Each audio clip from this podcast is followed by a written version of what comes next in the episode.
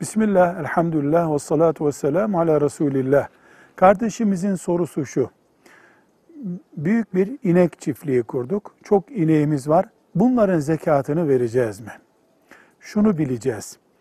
6 ay artı bir gün merada beslenmeyen ineğin inek olarak zekatı yoktur. İneğin zekatı diye ilmihallerde tarif edilen şey 6 aydan bir gün fazla merada otlayan ineklerdir.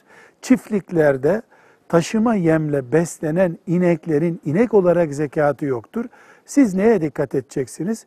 İnekleri satılığa çıkardığınız zaman onların ticari değeri var. Bir marketçinin zekatı gibi zekat hesaplayacaksınız. Artı siz orada süt ve benzeri ürünler ürettiğiniz zaman da ticaret yapıyorsunuz. O ticaretin zekatını yapacaksınız, hesaplayacaksınız. Nasıl? E, yıllık bütçeniz olacak. 10 ton günde süt satıyorsunuz. Yılda şu kadar para birikti.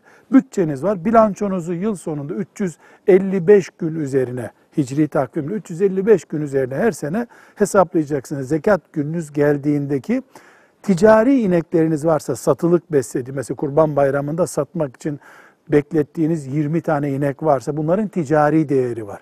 İnek olarak zekat söz edildiğinde ilmihal kitaplarında o mandıralarda mesela devlet kredisiyle getirtilmiş 200-300 ineğin zekatı söz edilmiyor. Velhamdülillahi Rabbil Alemin.